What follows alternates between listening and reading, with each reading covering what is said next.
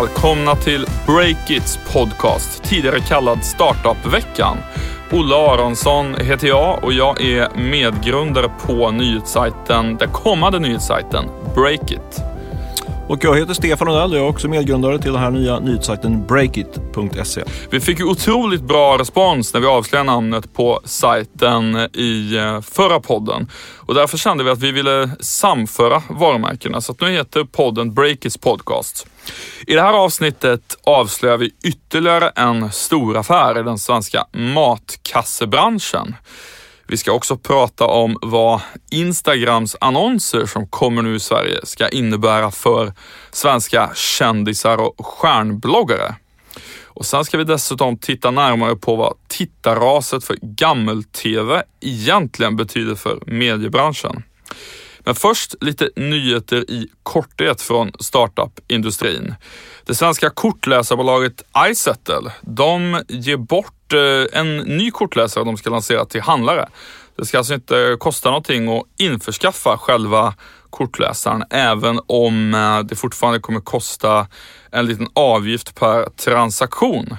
Lite järvt och expansivt drag av dem. Eh, och en annan kul startup-nyhet som jag hörde häromveckan veckan av ett eh, bolag som heter PickHitMe.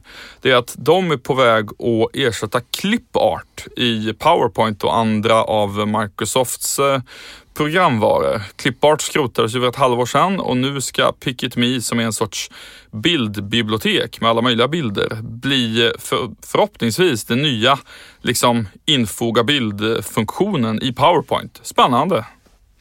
Det har kommit nya uppgifter från det som många pratar om, i alla fall på den amerikanska västkusten, eh, Apple Watch, eh, som ska lanseras i april. Nu har det läckt ut uppgifter i den ansedda affärstidskriften, eh, affärstidningen Wall Street Journal. Eh, de avslöjar bland annat att de räknar med att sälja 6 miljoner eh, exemplar av den här Apple Watchen redan första kvartalet och det är lika mycket som iPaden faktiskt sålde vid sin lansering de första månaderna. Eh, den här artikeln eh, är intressant på flera sätt för de avslöjar också att det är en del tekniska problem i utvecklingen av Apple Watch. Eh, internt på Apple har man kallat det för ett svart hål. De bara tog massa resurser ur teknikutvecklingen av Apple Watch. Och man har nu fått som sagt, skruva om lite grann och dra ner ambitionsnivån för, för Apple Watch.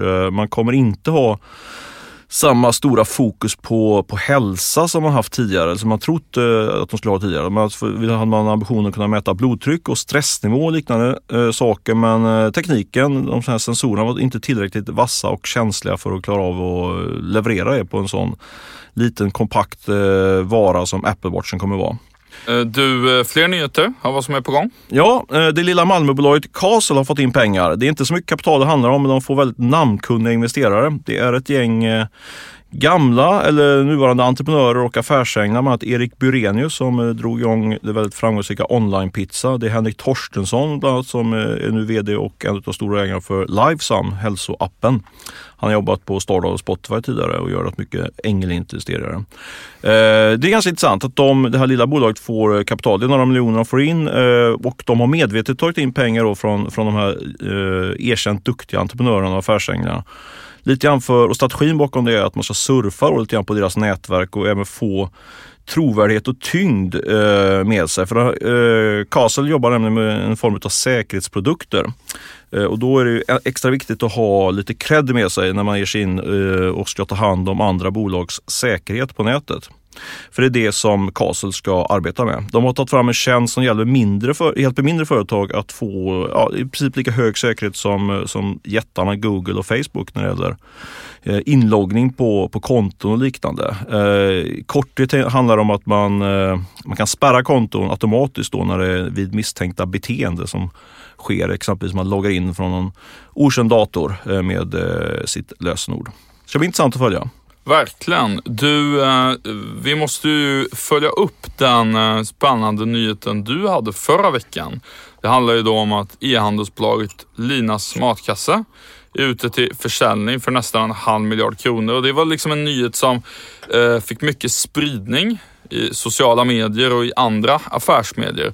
Och nu har du snappat upp en ytterligare en nyhet i samma segment, i väldigt samma segment får man säga. Ja, det är en rak konkurrent till Linas matkasse, Middagsfrid, som var, jag tror de faktiskt var tidigare ute än eh, Linas matkasse på den här marknaden. Först i Sverige tror jag. Ja. Om inte först i världen. I alla fall försökte de framställa det så själva. Kan vara så. Eh, de var tidigt ute, fick eh, bra fart på verksamheten men nu har faktiskt Linas matkasse gått om om man ser på eh, sätt till omsättning och så. Jag tror att Middagsfrid omsätter knappa 100 miljoner kronor. De är till salu nu. Grundarna där vill sälja och har anlitat Deloitte för att få in bud från presumtiva köpare. Och att det, i den här sammanhanget brukar man kalla att man lägger in indikativa bud. Och de har faktiskt kommit in redan så det är ganska nära en affär där. Ska vi spekulera lite om, då, om vem som kan tänkas vilja köpa det? Det tycker jag. Eh, Det är väl ungefär samma potentiella tagare som till Linas matkasse som vi pratade om förra veckan. Eh, Alltså de eh, the usual suspects brukar man tala om ibland. Axfood, ICA, Bergendals som äger Citygross eh, är ju sådana som skulle kunna köpa en sån här eh, spelare. Men också skulle man kunna, man skulle kunna spekulera att ett riskkapitalbolag skulle kunna tänka sig köpa både Linas och, och, och eh, Middagsfrid och slå ihop de här två pjäserna kanske tillsammans med Mathem och få en riktigt stor, eh, stor spelare på den här marknaden och sen lanser, sätta det på börsen. Men det är som såklart en ren spekulation. Men, eh, men eh, det, det ligger väl i farans riktning att någon av de stora matbjässarna eh, slukar Middagsfrid och kanske också Linas matkasse. Vi får se. En nyhet som vi hajade till på i veckan, det är att Pinterest, bildbloggplattformen, de eh, gjorde en åtgärd som ganska mycket modebloggare blev eh, eh, missnöjda med. Så att tidigare har det gått att lägga upp så kallade affiliate-länkar, alltså länkar man får betalt för, lite förenklat, på Pinterest väldigt fritt och det är många modebloggare som har gjort det och haft det som en extra inkomstkälla.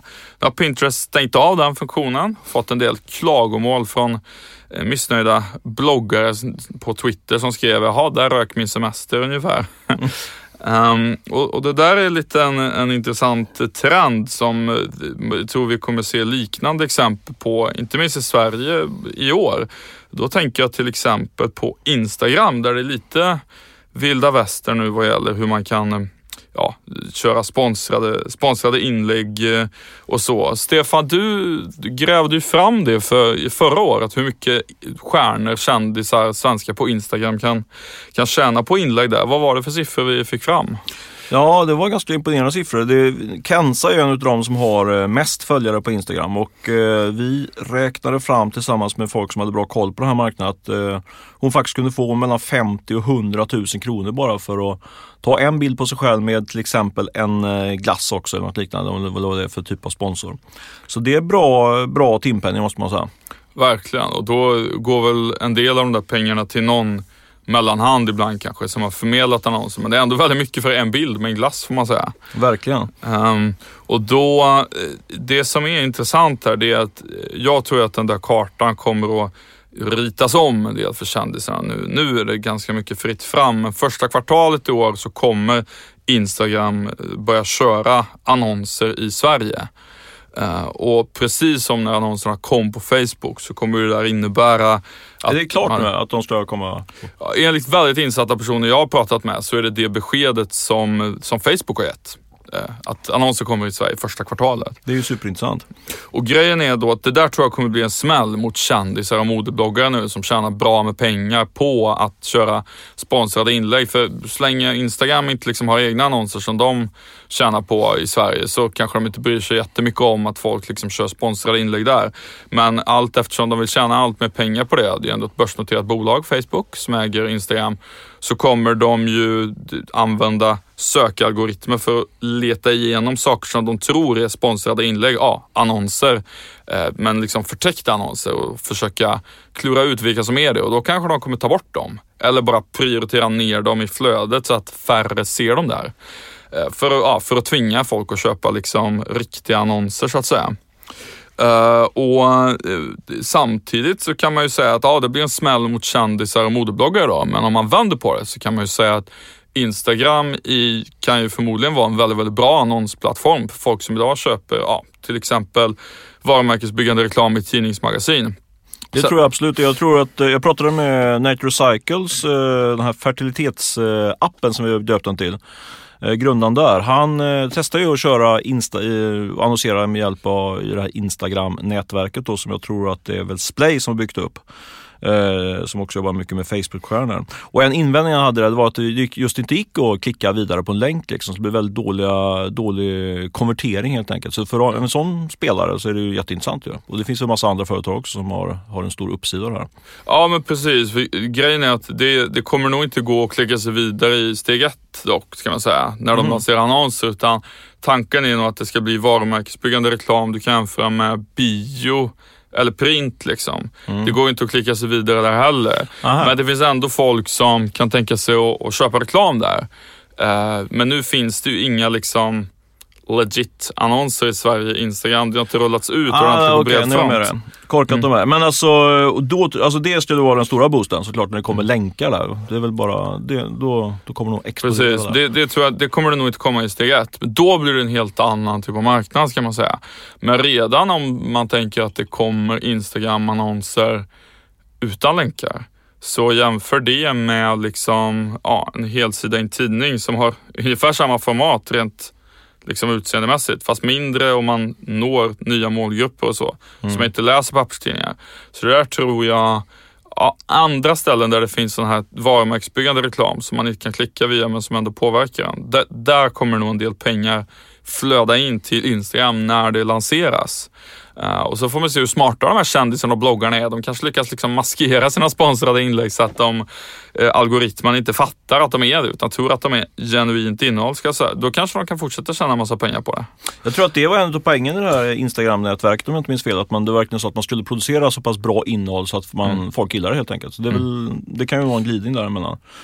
Men jag måste bara fråga, eh, alltså varför lägger man inte in länkar i Instagram-flödet? Det är en dum fråga kanske, men har du någon teori om det? Alltså det som eh, jag har tänkt från början det är ju egentligen bara så här. Om Instagram är intresserad av att öka användarbasen så mycket som möjligt på det de gör. Då kanske de snarare vill att folk ska leta runt inne i appen. Ja, de vill inte, leda, de vill inte dirigera bort folk från eh, appen. Ja men precis, om de har varit inställda på att öka antalet användare. Mm. Då är det ju, fokuserar de på det. Men om de är inställda på att skapa intäkter från det, då skapar man incitament för att bygga in länkar. Galet hög an- användarbas och sen så börjar de kapitalisera på det. Mm, precis, det är Så väl den enkla. de här sociala nätverken. Ja men exakt, det, det känns som någon sorts lite standardmodell där. Du, du har ju varit på Googles eh, Stockholmskontor här på morgonen idag. Ja, precis. Det var spännande. Det var faktiskt, eh, jag vet inte om det är underbetyg för mig som eh, techreporter, men det var faktiskt första gången jag besökte Googles lokaler här i Stockholm. Det var ju sitt huvudkontor på eh, mitt i centrala stan, den här centralstationen. Det var en liten upplevelse eh, för mig. Eh, de är ju väldigt hemlighetsfulla eh, och de eh, förnekar sig inte. De hade väldigt eh, de här tonade rutor när man gick in på dem och de hade ingen, ingen eh, logga utanför, eh, utanför porten så att säga. Eh, lite hemlighetsfulla som sagt. Men eh, och sen när man väl kom in i receptionen där så var det liksom en eh, som jag säger, en blandning av lekfullhet och futuristisk stil. Eh, I taket hängde det datorer som var målade i eh, Googles färger, logotypfärger och eh, man fick registrera sig, lite oklart varför, men i en telefonkiosk, en gammal telefonkiosk som var, som var brandad med Googles log logga och sådär. Så det var en liten upplevelse och sen bjöd de också på en riktigt bra frukost. Dessvärre hade jag redan ätit frukost så jag kunde inte ta del av den. Men, men de hade ett eget, en egen frukostmatsal med väldigt bra, bra utbud. Ja, det är jobbigt det där när man är liksom för, för mätt för att ta del av en riktigt, riktigt god måltid. Jag, jag lider med dig så här i efterhand. Ja. Men du var inte där bara för att kolla in miljön? Nej, det var jag inte. Jag träffade Youtubes Sverigechef som heter Peter Nordlöf. Och anledningen till det var att eh, jag är verkligen nyfiken på, på, det, eh, på allting som händer kring rörlig bild och webb-tv. Det händer ju otroligt mycket just i det temat nu. Det växer väldigt fort. Och man skulle kunna säga att i Sverige så tror jag faktiskt att vi ligger längst fram då i det här skiftet eh, från traditionell tv till webb-tv. Eh, och då är det väldigt intressant att eh, se, ja, men ha, ha, ha koll på den aktören som eh, som har, ja, borde ha bäst koll på det här egentligen, just Youtube. För det är ju där som det, den stora tillväxten sker inom webb-tv. Och då, eh, vad är dina eh, slutsatser där? Lyckades du pumpa honom på någon spännande info eller? Ja, det tycker jag. Alltså Google är ju extremt hemlighetsfulla, men det var ett bra möte och jag fick väl, eh, då ska man säga, en del, jag hade ju pratat med andra människor innan jag kom dit, så jag fick väl en del av de sakerna bekräftat och fick även en del ny info. Men sammantaget så tycker jag jag har fått en rätt tydlig bild av läget just nu liksom i den här rörliga bild webb-tv-segmentet i, i startup-industrin. Och där är det ju så, jag kan tänka mig att han lyfter fram, och det är så sant också, att de befinner sig i en superstark eh, tillväxtfas helt enkelt vad gäller webb-tv och radiobild på nätet. Ja men så är det. Man kan se eh, eh, om man tittar på gammel-tv, om man får kalla dem så lite ärevördigt, så alltså eh, linjär tv, den typen om man, man sitter framför, sätter sig i tv-soffan och tittar på tablåläge tv, de eh, går ju tillbaka kraftigt. Eh, om man tittar bara i början av året har faktiskt TV3, kanal 5 och, och TV4 tillsammans tappat ungefär 20 procent av sin räckvidd. 20 procent?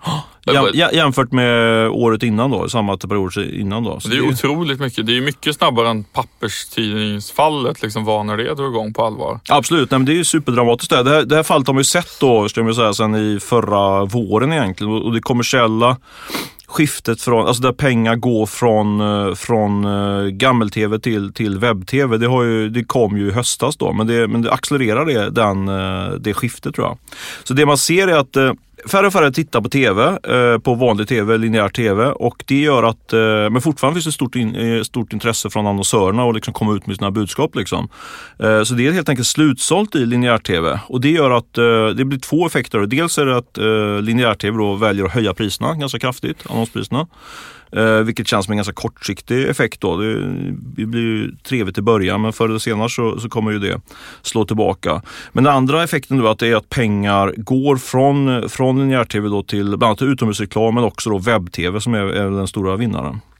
Man ser också att eh, annonsörer nu helt väljer bort vissa kanaler, eh, tv-kanaler. Till exempel att man väljer, väljer bort TV3 och istället lägger en del av sin tv-annonsbudget direkt på Youtube. Och det är jätteintressant. Det hände ju verkligen inte för, för något år sedan eller kanske för 18 månader sedan. Men fortfarande då så är ju, är ju traditionell tv-reklam mycket, mycket större än webb-tv-reklam. Den är ungefär 10 gånger så stor eh, traditionell tv-reklam. Den står för ungefär 6 miljarder kronor i Sverige medan webb-tv-marknaden är på ungefär 5-600 miljoner kronor. Och det där, vi har ju pratat om, om det där förr, liksom, men vad ser du för tecken nu på att det här är ett gap som kommer täppas igen? Ja, jag tror att det där är ett gap som kommer att täppas igen förr eller senare. Men eh, det är däremot inte säkert att, eh, så att, säga, den totala kakan, jag tror inte att det kommer bli så att alla pengar som lades på traditionell tv-reklam kommer läggas på, på nätet eller någon annan medieform överhuvudtaget. Egentligen. För det är, väl så, det är ju så att eh, man får helt enkelt sämre betalt för en tittare på Youtube jämfört med till exempel TV4. Det är stor skillnad där. Det är inte att man tar de här 6 miljarderna i vanliga tv-kakan och bara skjuter in dem i, i webb liksom. Nej, utan jag tror att det är en stor risk att eh, den totala eh, reklamkakan krymper då. Eh, till, till godo då för, för företagen och i slutändan kan man hoppas då konsumenterna. Men just för mediemarknaden är det ju hot. Eh, men samt med det sagt så är det ju liksom en jättetillväxtbransch, eh, webb-tv-reklammarknad eh, då. Och det man ser är att, att tidigare så togs pengar från om man såg en reklambudget på, på 5 miljoner kronor så kanske man la 4 miljoner kronor på tv och så la man 1 miljon kronor på, på digitalt. Eh, men det som sker nu är att, man, eh, att de som annonserar och de tänker att om vi har en 4 miljoner kronor till tv då lägger vi kanske en ganska rejäl bit av det till, på digital eh, rörlig bild. Eh, så man, man kommer, det är väldigt viktigt strategiskt att man kommer in så att säga på, på tv-delen i, i eh, reklamköparens eh, budget. Ja, ah, just det. För de har liksom något typ som ett pie-diagram med vilka medieslag de ska ha. Och då är det liksom att webbdelen kan vara liksom en liten, liten slice och så kan tv-delen vara en mycket större slice. Så om webb-tv sorteras in under webb, då är det mycket mindre pengar som kan gå till det. Men om, om det sorteras in under TV så har man helt andra möjligheter. Så är det, för den här marknaden är ju liksom inte helt och hållet eh, rationell kan man säga. Liksom, det finns ju en, en struktur liksom, kring tv-reklam också med produktionsbolag och, och folk är vana liksom, att köpa tv-reklam. Så det, det, det, är väldigt viktigt att man eh, kan kommunicera att man kommer in i den eh, tv-budgetsnacket så att säga. Du, Youtube som du var och hälsade på, de är ju lite, kan man tycka att de är progressivt bolag sådär, men de är ju egentligen den, den gamla, den gamla räven i, i webb-tv-världen. Vad har du sett för andra observationer av vad, vad fler för spelare som är offensiva inom det här just nu? Ja, eh, med risk för en ledande fråga där. Du, jag vet vad jag ska komma in på här, men alltså Facebook satsar otroligt mycket på rörlig bild just nu och eh, jag har pratat med flera andra människor än, än Peter Nordlöf där på, på Youtube som, eh, som bekräftar det. Jag ska säga till Peters Eh, on the record, så att han vill ju inte prata om konkurrenter, han var ganska noga med det. Uh, men eh, det man ser är helt enkelt att Facebook satsar väldigt mycket på, på rörlig bild nu också. Det ser man tydligast i, i Facebooks, i sitt eget flöde egentligen, att det är mycket rörliga bilder där.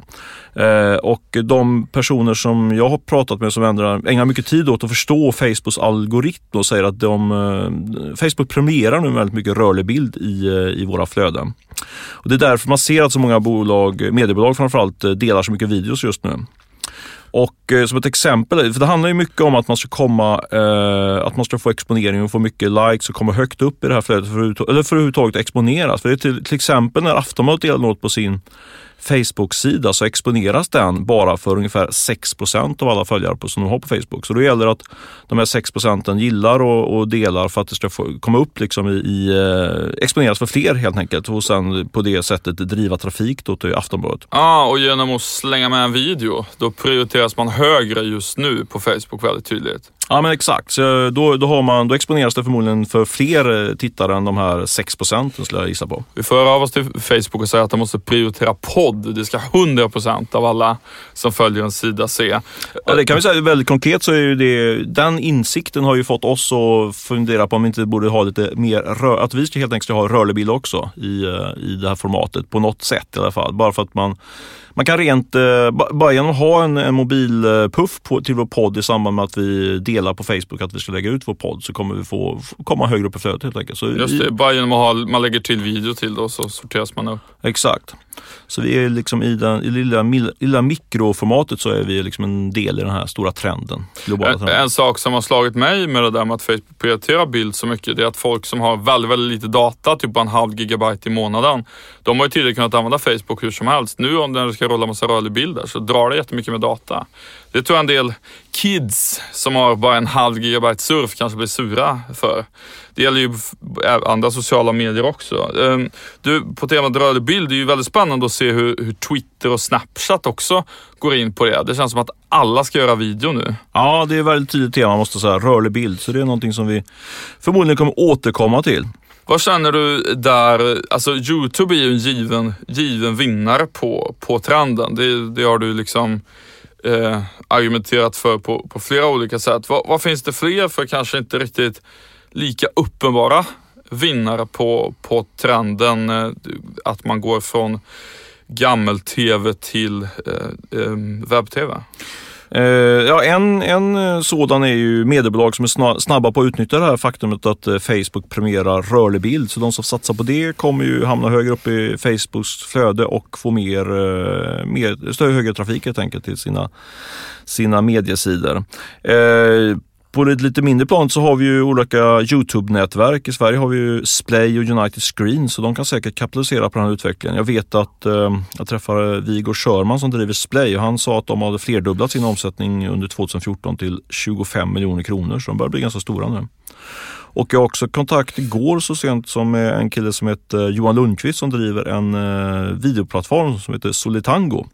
Och han hävdar att det är den snabbast växande i Sverige nu och de kommer omsätta över 20 miljoner kronor så de börjar bli ganska stora de här, de här nya mediestartupen. Du, eh, det börjar närma sig att vi ska avrunda den här podden. Jag har ett litet upprop som jag skulle vilja göra innan vi gör det. Det är så att jag upplever att eh, med allt fler eh, startup-grundare man träffar så lyfter folk fram det här med att det är strul kring Migrationsverkets process. Eh, du nämnde det lite kort när vi pratade om rekryteringsfirman Ants i förra podden som försöker rekrytera folk som har flytt från krigets Syrien. Och eh, det jag har hört framförallt är att ofta så kan processen från det att man ansöker om att en person ska få komma hit och jobba, alltså att en startup har rekryterat någon i ett land utanför Europa som vill komma hit och jobba. Processen från att man bestämmer sig för det till att det blir klart och godkänt kan vara upp till 18 månader. Då förstår man ju att det är ju risk att personen liksom hoppar av och inte, inte är med längre under, Tröttna. ja, precis, under den tiden.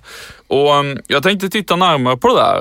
Uh, ni som har intressanta exempel på, på hur det kan vara och och vara i kontakt med Migrationsverket och försöka hjälpa folk man vill rekrytera och komma hit. Eh, Både folk som har haft problem med det, men kanske ja, ni har haft ett jättepositivt exempel får gärna höra av med tips om det också. Maila mig i så fall på olle.breakit.se så ska jag följa upp det där och se eh, om vi kan följa upp det när vi har lanserat vår sajt. Jag tycker det känns som ett väldigt intressant ämne. Verkligen. Eh, glöm inte heller att gå in och signa upp er på vårt nyhetsbrev som vi nu börjar komma ut med varje vecka. Gå in på breakit.se och eh, signa upp er där. Följ oss gärna också på Twitter. Eh, jag nås där, följs där på att Stefan Lundell. Och Olle följs på att eh, Olle Aronsson. Och fortsätt förstås jättegärna lyssna på eh, podden eh, via valfri app eller på Soundcloud där vi numera också finns. Eh, vi finns ju också på sajten Swedish Startup Space eh, där ni kan gå in och lyssna på oss och bland annat titta på vilka jobb som finns lediga i, i branschen som de lägger upp ganska flitigt. Det här avsnittet spelades in och klipptes av Beppo ljudproduktion. Vi hörs nästa fredag. Ha det gott tills dess. Ha det bra. Hej!